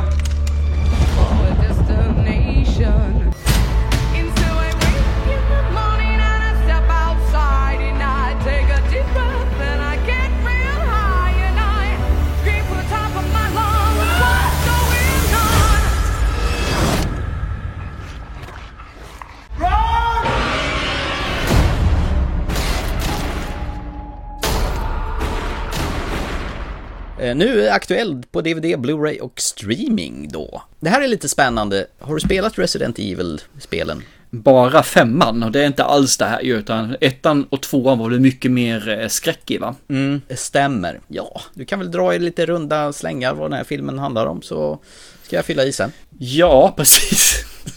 Ska du rätta mig sen menar du? Nej, jag bara tänker säga tvärtom mot vad du tycker, tänker jag. Ja, okej, ja men då så. Eh, vi får väl egentligen följa in i en stad som ägs i stort sett helt av The Umbrella Corporation. Där det är två syskon som har förlorat sina föräldrar som sitter på ett barnhem där det verkar vara lite mystiska saker som sker. Man får följa dem en kort stund, jag ska inte lägga in mer än så där tänkte jag. Efter det så får vi, fall hoppar vi fram en, eh, jag vet inte hur många är det, år, 15 år i framtiden eller sånt där, 11 år i framtiden. Ja, de är ju vuxna folk i alla fall. Precis. Och då är ju... Har man spelat den känner man åtminstone igen namnen. För då har vi Claire Redfield på väg hem. För att möta sin bror Chris Redfield. Det är konstigt, jag har aldrig fattat att de är syskon förrän jag såg den här filmen. Ändå har jag spelat Nej, okej. Resident Evil 1, 2, 3, 4, 5, 6, 7, 8. Fast det har nog inte jag heller tänkt på överhuvudtaget. Så sett. Var bara rätt självklart i filmen kändes det som. Eh, Det var det. Hon kör, kör dit där i alla fall, kommer dit där samtidigt som de håller på att lägga ner den här stan. För Umbrella Corporation ska då liksom omlokalisera sig själva till något annat sätt som de brukar göra. Då börjar ju shit happens. Det här man, alla känner väl the T-virus och sådana saker och det har väl blivit något läckage här kan jag tänka mig. Så att, och då får vi möta de här karaktärerna. Vi har då Claire Redfield, Chris Redfield, vi har Jill Valentine som också är känd från spelen och den alldeles återkommande Albert Wesker. Och så får vi möta några andra sen också, men det är de eh, som är de stora i alla fall. Ja, Leon Kennedy har faktiskt en ganska stor roll i spelen också. Aha, okej, ja, men då bra att du rättar mig, för den känner jag inte till. Men var, jag känner till de andra bara. Vi kan ju bara säga så att eh, det här avföringen träffar den roterande bladen ganska effektivt då. Eh, ja, det var faktiskt en jävligt snygg översättning. Den skulle jag vilja se när, när, de, när de uttrycker det inom amerikansk film. Så, nu får du rädda mig och säga vad jag gjorde för fel. Nej, du gjorde inget fel alls. Det var ypperligt berättat av eh, handlingen i det här. Jag kan säga så här att det här är en hopkok av första Resident Evil när de är i det här The Mansion. Mm. Andra Resident Evil när mycket fokuseras på den här eh, Raccoon Police Department som de så snyggt har återskapat i den här filmen. Och även det här Mm. eh, Raccoons eh, Orphanage, det här barnhemmet som de sp- springer runt och eh, grejar i. Jag skulle vilja höra dina så här initiala åsikter, du som inte har spelat de spelen, hur känslan var för dig. Jag tycker om känslan att bygga upp i filmen. Jag tycker om den är lite creepy. Allting utspelar sig på natten och man får de här klockslagen så man vet var man är någonstans. Du har ju liksom en, eh, en deadline som eh, kommer ganska snabbt i filmen. Eh, Jag tycker om de här sakerna. Det är just persongalleriet som man känner igen lite grann från min sida. I det här fallet ska jag säga det, är det helt okej att det blir mörkt. För det ger lite effekt. Och jag kan tänka mig att det är så i spelet också, att det är väldigt mycket mörkt där också. Och så kommer de här glimpsarna. Ja, det är mörkt hela jävla tiden i spelen. Så, så det fungerar för mig. Tyvärr så finns det andra saker som downar och det är att skådespelarna är mediokra. Och jag tycker att effekterna på och sminkningen är skitdålig, rent ut sagt. På zombiesarna menar du eller? Ja, så dåliga är de alltså, så det är det som man skäms. Och det är jättesynd med tanke på hur bra som faktiskt ettan, tvåan var i sminkning och sådana saker som fortfarande håller faktiskt tycker jag. Man behöver liksom inte lägga ett stort fett lager med silikonpasta över dem som man spraymålar lite grann, utan man kan göra lite enklare saker än så. Men jag tycker om de här lite chocksakerna som händer i början där, som är liksom papam, papam, och som är lite oväntade också faktiskt till- till- bitvis. Helheten för filmen blir att den är trasig, ett ord som dök, dyker upp för mig. Man har inte riktigt kunnat fixa ihop den här på ett bra sätt. Den håller inte ihop. Den spretar, den är mm, för mycket skärv i den. Och jag tycker det är synd, för jag, jag tycker verkligen om den här världen. Den är så fantastiskt bra. Och saken är att jag ser faktiskt fram emot nästa film. Där jag hoppas har fått kanske lite, lite mer pengar i budgeten. Och det roliga är ju liksom att han som är Albert Wesker här tycker jag passar skitbra. Jag känner ju han från Umbrella Academy från den serien. Jaha, det var ju fyndigt. Umbrella Academy. Ja, precis. Det var det jag tänkte komma till också. han, han är skitbra tycker jag. Och sen tycker jag Claire Redfield eh, funkar. Hon är en spydig person som är rätt så handlingskraftig och eh, världsvan är väl ordet. Det är synd som sagt var att det blir så platt. När det kunde ha blivit sån wow-känsla. Lite grann, kommer du ihåg den här New Mutants? Mm, ja, den här med Anna Taylor-Joy, ja. Just det. Mm. Mm, precis. När man såg fram och läste om det och man såg de första trailersarna på den, eller sneak trailerna, så fick jag en känsla av den filmen att den skulle vara det här. Och sen så blev det det där. Och här är samma sak. När jag får känslan i början av filmen, när man kommer in, hur de eh, börjar stapla upp klossar, när de lägger upp känslor, så kände jag liksom wow. Och sen fick jag det där. Och jag blev så jävla besviken. Det, det var min eh, helsyskon. Eh, jag kan säga så här då, initialt när filmen börjar, och det här är som du säger, regnet och mörkret. Jag blir lite förförd över det porträttlika jobbet man har gjort från spel till film. Du har ju tagit stommen från Resident Evil 1 och 2 som jag sa. Du får Mansionet med inredningen och Raccoon City Police Station. Och sen barnhemmet och till och med det underjordiska tåget som hör till i spelen då. Man har till och med gjort en detaljstudie med den första zombisen som slaskar på ett offer från Resident Evil 1 som sakta vänder sig om upp mot gänget i The Mansion. Kommer du ihåg den scenen? Ja, det gör jag. Absolut. Och så vänder den sig så här långsamt och så ser man så här, första gången man egentligen får se i spelet den här blodiga zombiesen. Och man höll ju på att skita på sig när man, på den tiden begav sig när man spelade. Exakt en återskapning av den scenen har de gjort den här filmen då. Sen står det någon sån här skrivmaskin lite här och där. Det är ju precis som i spelet, så det är ju så du sparar för att ifall du dör så får du ju börja från senaste gången du har sparat med den här skrivmaskinen då. Och så har de ju planterat ut en green, sån här green herb eller grön ört där och, så här, och de här äckliga lickers som kryper längs taken är ju med i den här också. Och eh, även har de ju lagt filmen på 80-talet med gamla VHS-bandspelare och de här Palm Pilot. Det hade jag faktiskt glömt bort att de fanns. det, de förekommer ju även i spelet då, så det, det, väl, det var väl uppenbart att det skulle vara med i filmen också då. Men det är väl som du säger, jag tycker filmen faller på att det är väldigt anonyma skådisar som du sa som ska gestalta Chris Redfield, Claire, Jill Valentine, Leon S. Kennedy och Albert Wesker. Jag tycker faktiskt det var en rätt snygg produktion. Thomas V.S. Anderson som, ju, som regisserar hela rasket av de förra Resident Evil-filmerna, han är med som producent här. För det är hans Constantin Films filmbolag som är med och producerar den här filmen. Alltså känslan från spelen är ju mycket större här än de här andra med Mila Jovovich. Men att koka ihop eh, det här, två spel på filmer, det känns ju bara, som du sa, trasigt. Eller stressat skulle jag vilja kunna säga att det är. Även om den här filmen är mer trogen spelen än de andra filmerna tillsammans så känner jag nog att de har snöat in på att likna spelet så jävla mycket det går. Och sen glömma bort resten. Ja, det är ju det jag tycker de ju oftast gör fel, att man, man vill eh, göra så många Easter och hintar till ja, spelen i det här fallet, så man glömmer bort att vi faktiskt ska göra en film. Det här är ju VM i fanservice eh, till alla som har spelat mm. spelen då. Jag tycker dessutom att man kunde väl åtminstone hitta skådisar som påminner till utseendet av tv-spelskaraktärerna. Jag tycker det räcker ju inte att ge Claire en röd skinnjacka och sen tro att det är bra så. Eh, och sen Leon S. Kennedy som är en jävligt stor karaktär i andra Resident Evil-spel. Han är en hård, tuff kille. I den här filmen har han gjort den till en jävla fyllo som är ny på jobbet. Det rimmar inte alls överhuvudtaget med hur karaktären är i spelen. Så jag tycker åtminstone att man kunde ha gjort honom som påminner i spelet och här gör de honom till något helt annat. Och det, det, jag blir lite irriterad. Nu är vi tillbaka i det. Varför måste man göra saker och ting porträttlika? Det är en film och det är en, ett spel. Mm. Varför måste de vara lika? Ja, men om de ändå lägger så jävla mycket krut på att den ska se ut som i spelen, varför kan de inte karaktärerna vara snarlika då, då? Kanske för att de vill hitta skådespelare som är ganska bra mot lönen de får istället för att ta någon som kostar för mycket mot vad de presterar. Förmodligen, för det här var ju ett gäng ganska, som du sa, mediokra eh, skådespelare. Jag tycker om Tom Hopper, det gör jag. Han tycker han är riktigt nice som skådespelare, men han har inte riktigt rangen på det viset. Och jag gillar ju den här planteringen som de gör i slutet, eh, utan att spoila någonting eh, som kanske hintar om mm. en fortsättning. Eh, det var ju faktiskt riktigt lyckat tycker jag. Mm, jag tycker också om det. Det är det jag säger, liksom att fundamentet är bra, känslan är bra, det är genomförandet som inte är det. Och ska vi ta regissören här då, Johannes Roberts. Han, han, har ju inte gjort några riktigt fantastiska filmer. Det är ju, de jag kommer på att tänka på är ju 40 Minutes Down och 40 Minutes Down and Cage som jag inte sett, men 40 Minutes Down har jag sett, High-filmen. Och den High-filmen var ju, han får inte ihop den heller. Nej. Eh, Det kanske på grund av också att det har, har nog förmodligen en begränsad budget. Man har inte slussat in så jävla mycket pengar på den här filmen.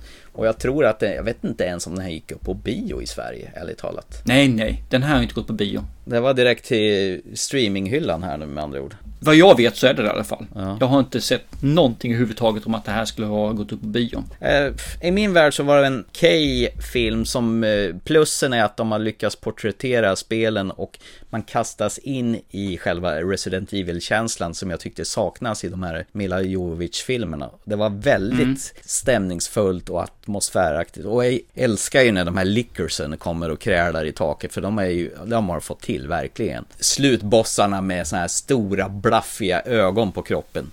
Det är de man ska skjuta på i spelen för att döda slutbossen förresten. Eh, Ja, det är inte alls tokigt heller. Eh, Visuellt är det Resident Evil, men filmen är ju konstgjord andning. Men känner du lite grann som jag gör att du fortfarande tycker om det här och ser fram emot en uppföljare? Ja, ja, ja, herregud. Jag är på tåget när eh, tvåan kommer i den här rebooten. Skulle bara vilja att de har fått en eh, 10-20 miljoner till att eh, lägga ner i budgeten. Jag har ingen aning om det kommer en uppföljare, om de har fått grönt ljus för det, men jag hoppas verkligen det, för att det var inte tråkigt någonstans. Jag var underhållen och jag mös ju och var i det universumet, för jag älskar ju spelen. Jag har ju spelat dem allihopa och när remakerna kom eh, på Resident Evil 1, 2 och 3, de har jag också plöjt igenom och även de här sista Resident Evil 7, eh, Biohazard och eh, Resident Evil 8 Village. Jag har ju vuxit upp med det här och det här är ju alltså my go-to games när det väl kommer nya. I love it. Jag tror dock inte den kommer få det, för den har ju, för det bety- betyget är 5,2 på MDB. Den har väl bombat va? Det här var väl en riktig, Ja. säkert en eh, förlust. Jag tror den har dragit in en eh, 40 miljoner eller sådana saker. Så det- är väldigt lite pengar. Jag tycker också det är synd, men den är inte värd mer tyvärr. Alltså den är ju inte det. Genren är värd hur mycket som helst till, men filmen är inte det. Men! Hör och häpna, Netflix kommer ju snart med sin live action Resident Evil-serie. Så det ser jag också jävligt fram emot att se vad de har gjort med den. Jaha, kommer de med det också? Ja, alltså? ja, jag tror det kommer i juni eller juli. Så kommer en 10 delars Resident Evil-serie på Netflix. Catching, den ser jag fram emot. Blev du glad nu? Nu blir jag jätteglad. Tack Thomas. Ja, varsågod. Ja. Vi var nog rörande överens om här att eh, den var stämningsfull och miljöerna var schyssta men det lämnade massor att önska. Jag stämmer in helhjärtat där för en gångs skull. Gud vad tråkigt. Jag ska bara Ja, i jag ren, kände det. Jag ska bara i ren pris säga, åh gud vilket mästerverk det var. Oh, vilka bra skådespelare det var. Oh, det var bra. Nej, men jag säger så här, när du har rätt så har du rätt. Jag säger inte emot det då. Det är ju inte ofta, men eh, när det händer så ska du faktiskt premieras. Så det blir en liten applåd där. Är det en golfapplåd jag hör i bakgrunden? Ah, nu är det en golfapplåd på det här va? Jag vet inte. Ja, ja, men eh, rekommenderar du det här till eh, allmänt folk eller bara för de inbitna tv-spelsfansen där tror du?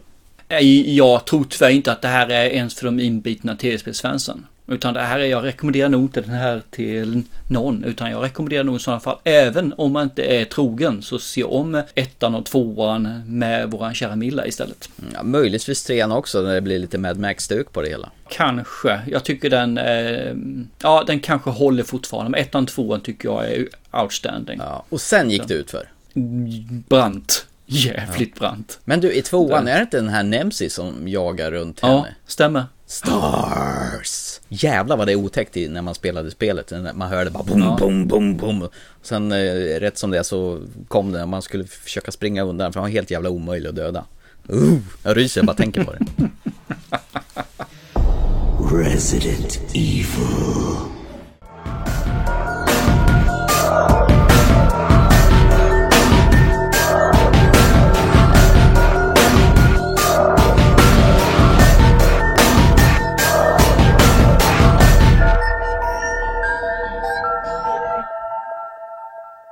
Ska vi gå vidare till sista riktiga segmentet i podden? Och nu, äntligen, hoppas jag och tror, efter alla misslyckade försök att få dig att se den här filmen.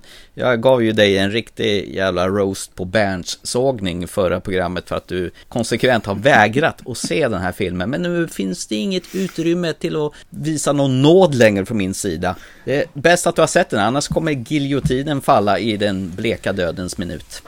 När jag introducerade avsnittet så sa jag att det fanns en hemlighet ju, som jag hade. Jaha. Mm. Du har inte sett den alltså? Eh, Nej men fy eh, fan. På riktigt? Har du inte tittat på den här än alltså? Hemligheten var ju faktiskt att jag hade sett Doctor Strange. Jaha. Det är klart jag har ju sett den här. Ja, ah, okej.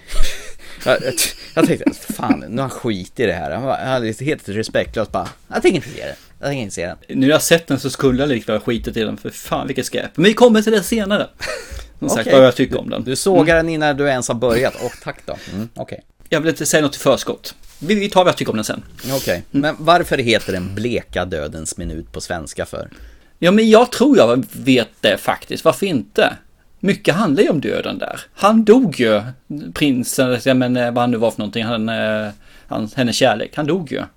Ja, fast han fejkdödade ju sig själv. Ja, eller sig själv, det vet jag inte, men okej. Jag tycker mer det är intressant, varför heter den Princess Bride då? Jag menar, prinsessans brud. Det är ju ett lesbiskt förhållande i sådana fall. Och det har inget emot på det sättet, absolut. Men 86 så kändes det som att det var väl tidigt att göra en sån sak. 87 menar jag. Eh, 11-årsgräns på den här filmen också. Vi kan väl börja? It was a time when life didn't seem so complicated. Marriage is what brings us together. I'm killing myself once we reach the honeymoon suite. Wouldn't that be nice? A courtly age. Of gentle conversation. I won't always come. But how can you be sure? This is true love. Oh no. Is this a kissing book? No. Actually, there was a lot of treachery, peril, and revenge. Prepare to die. Never go in against the Sicilian when death is on the line. There were affairs of state. But I've got my country's 500th anniversary to plan, my wedding to arrange, my wife to murder, and Gilda to frame for it. I'm swamped. and affairs of the heart. My Wesley will always come for me. Your Wesley is dead. The Princess Bride. Not just your basic, average, everyday, ordinary, run of the mill, ho hum fairy tale.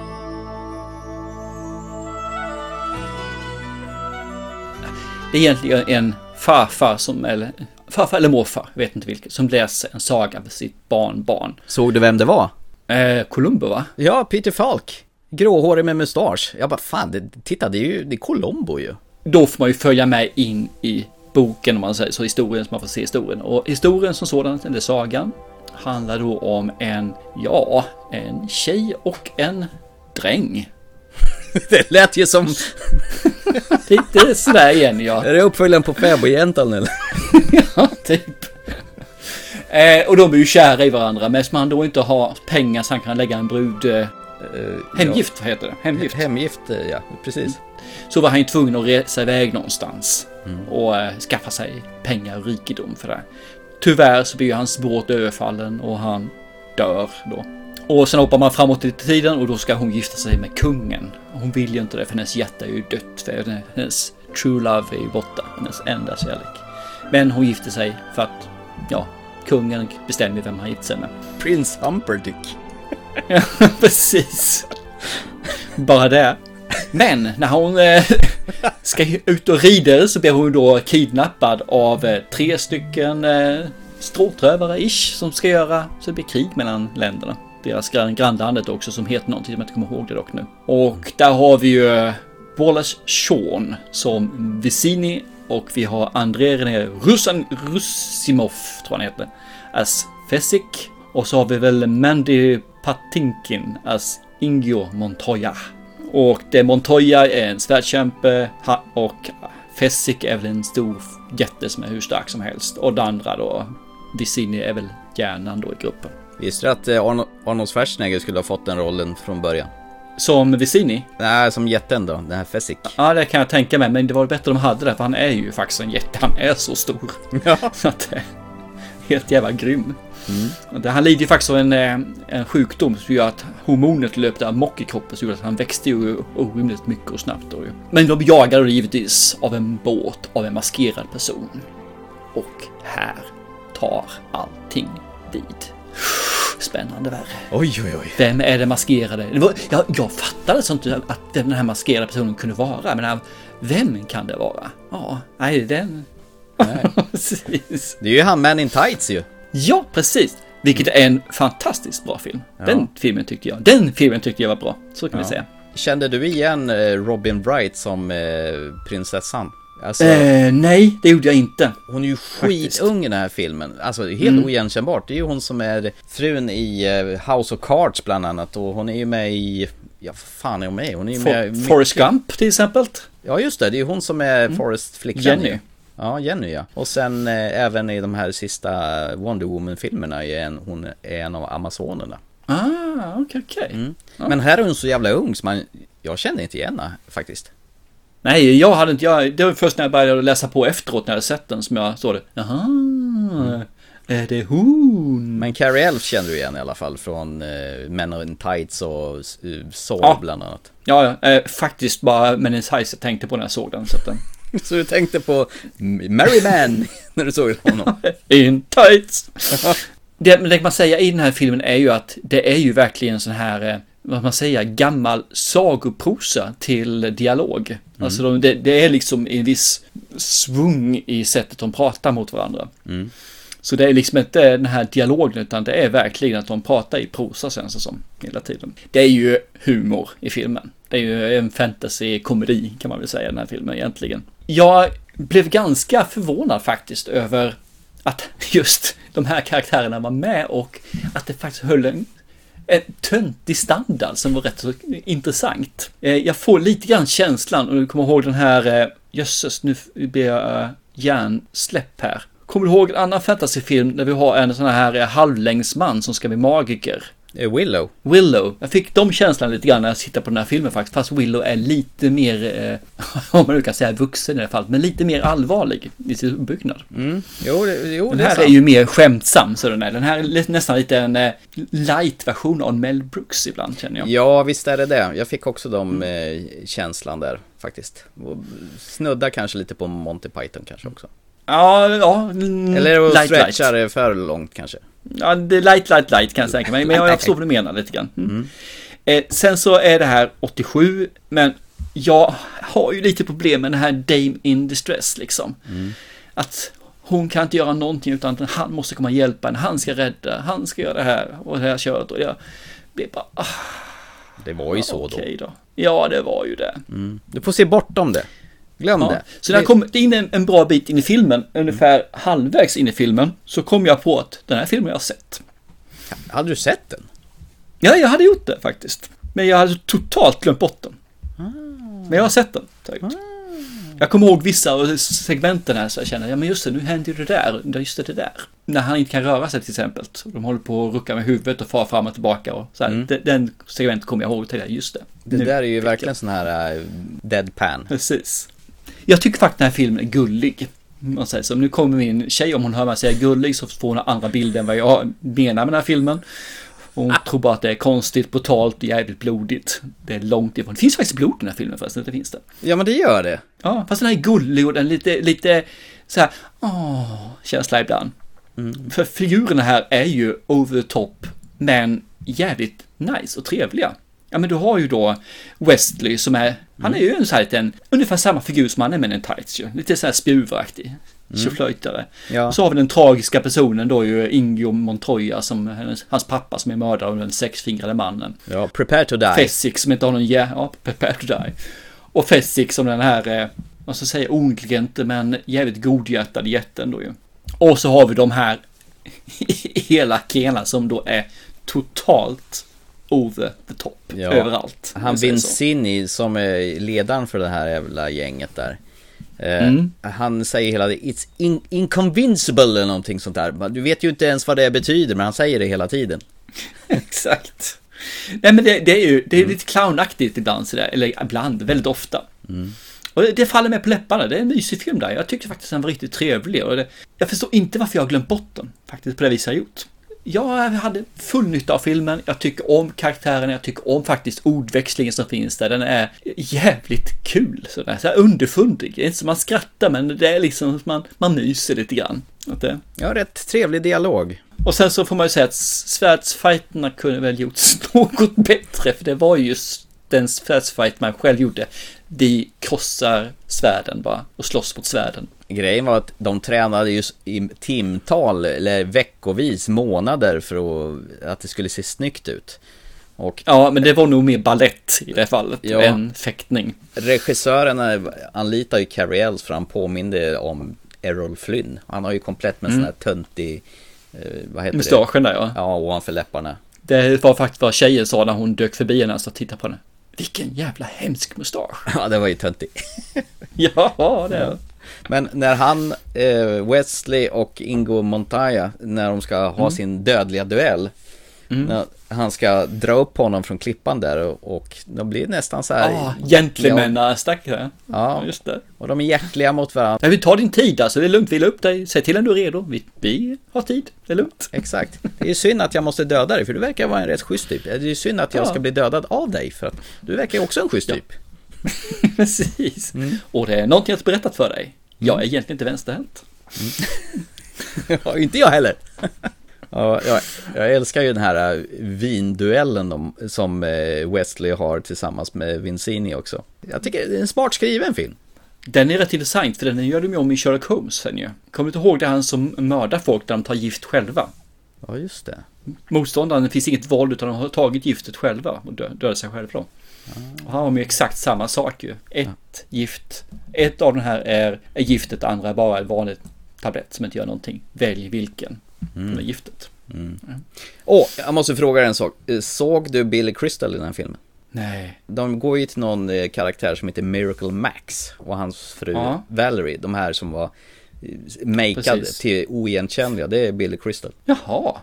Det- Ja, det såg inte jag. Det hörs på rösten, men det syns inte en sekund på att det är han. Riktigt bra sm- sminkat faktiskt. Och sen har du ju Mel Smith eh, som Albino också, han känner man ju igen Mm. sen tidigare. Ja, jo men han ser alltid ut som han gör. Han behöver inte sminkas han ser i alla fall ut sådär.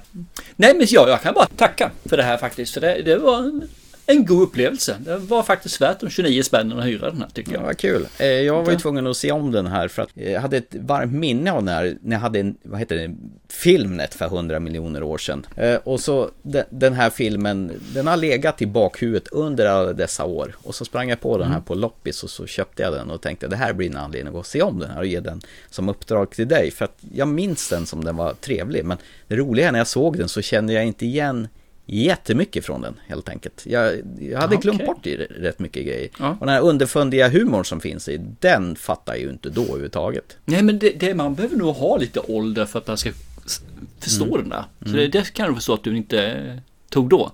Men det, jag anser fortfarande, det, det går inte att jämföra med Men in Tights faktiskt. För mig är ungefär i samma inriktning. Men där, där de har en, lagt in en högre växel kan man säga. Både Mm. humormässigt och filmmässigt. Jo. Den, den är mycket trevligare. Men det här är en riktigt nice film i alla fall. Sen är det väl lite så här att setpisen, dekoren och effekterna har ju åldrats förbannat dåligt. Eller också har de gjort det här studiobygget med flit för att det ska se lite B ut. Men eh, det gör inte så jäkla mycket tycker jag.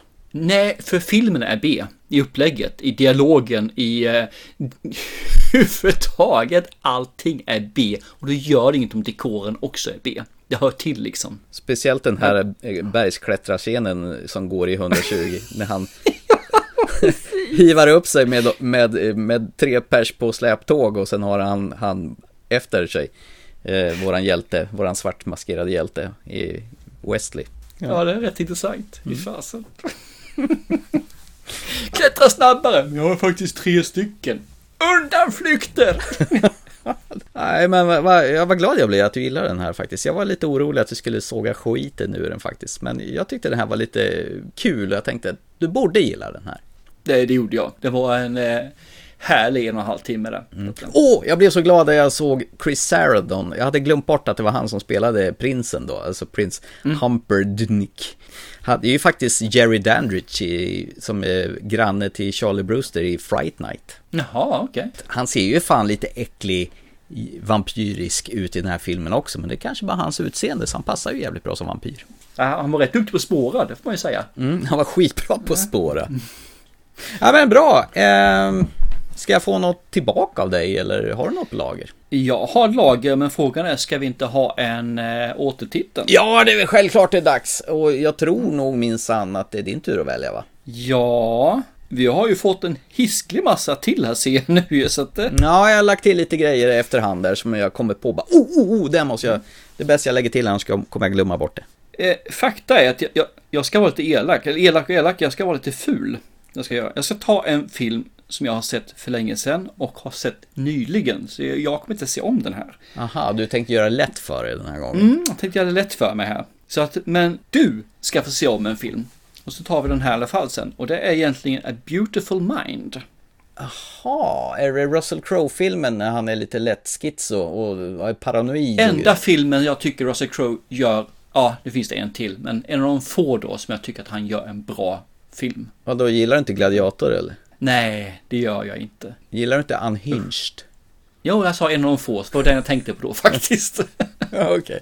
Inte Nice Guys i alla fall va? Nej, nej, den kan jag inte ta heller alltså. Nej, men jag tycker han är en väldigt överreklamerad skådespelare, så sett alltså, har varit där. Jag tycker att han är, han är så jävla träaktig i eh, Gladiator också, så jag förstår liksom inte att han har kunnat bli så stor där. Mm. Spännande! A Beautiful Mind, den såg jag på bio för en hiskligt massa år sedan och jag har aldrig Mm. sett om det sedan dess. Nej, så du tänkte, då får du göra det nu då. För jag, jag såg om den här, det är kanske ett halvår sedan ish jag såg om den. Och innan dess var det jätte- jättemånga år, så jag kanske ska se om den igen bara för att. Men jag har den ganska färskt i huvudet faktiskt. Men frågan är, vill du ha en, en, ett uppdrag samtidigt också eller? Eller ska vi vänta med det? Du kan väl ge mig det också så har jag lite tid på att marinera det, så att säga. Så shoot! Ös på med allt du har. Jag har ju all tid i världen, det vet du ju. Har du sett en Tom Hanks-film som heter Det är aldrig för sent Larry Crown? Nej. Då får du den. Heter den, vad heter den på original då? Va? It's never too late Larry Crown. Nej. Jag menar att jag, en Tom Hanks-film som jag har missat alltså. Mm, och Jaha. där är Julia Roberts med också. Ooh, ooh, du, du, den tar jag utan att blinka, eh, så.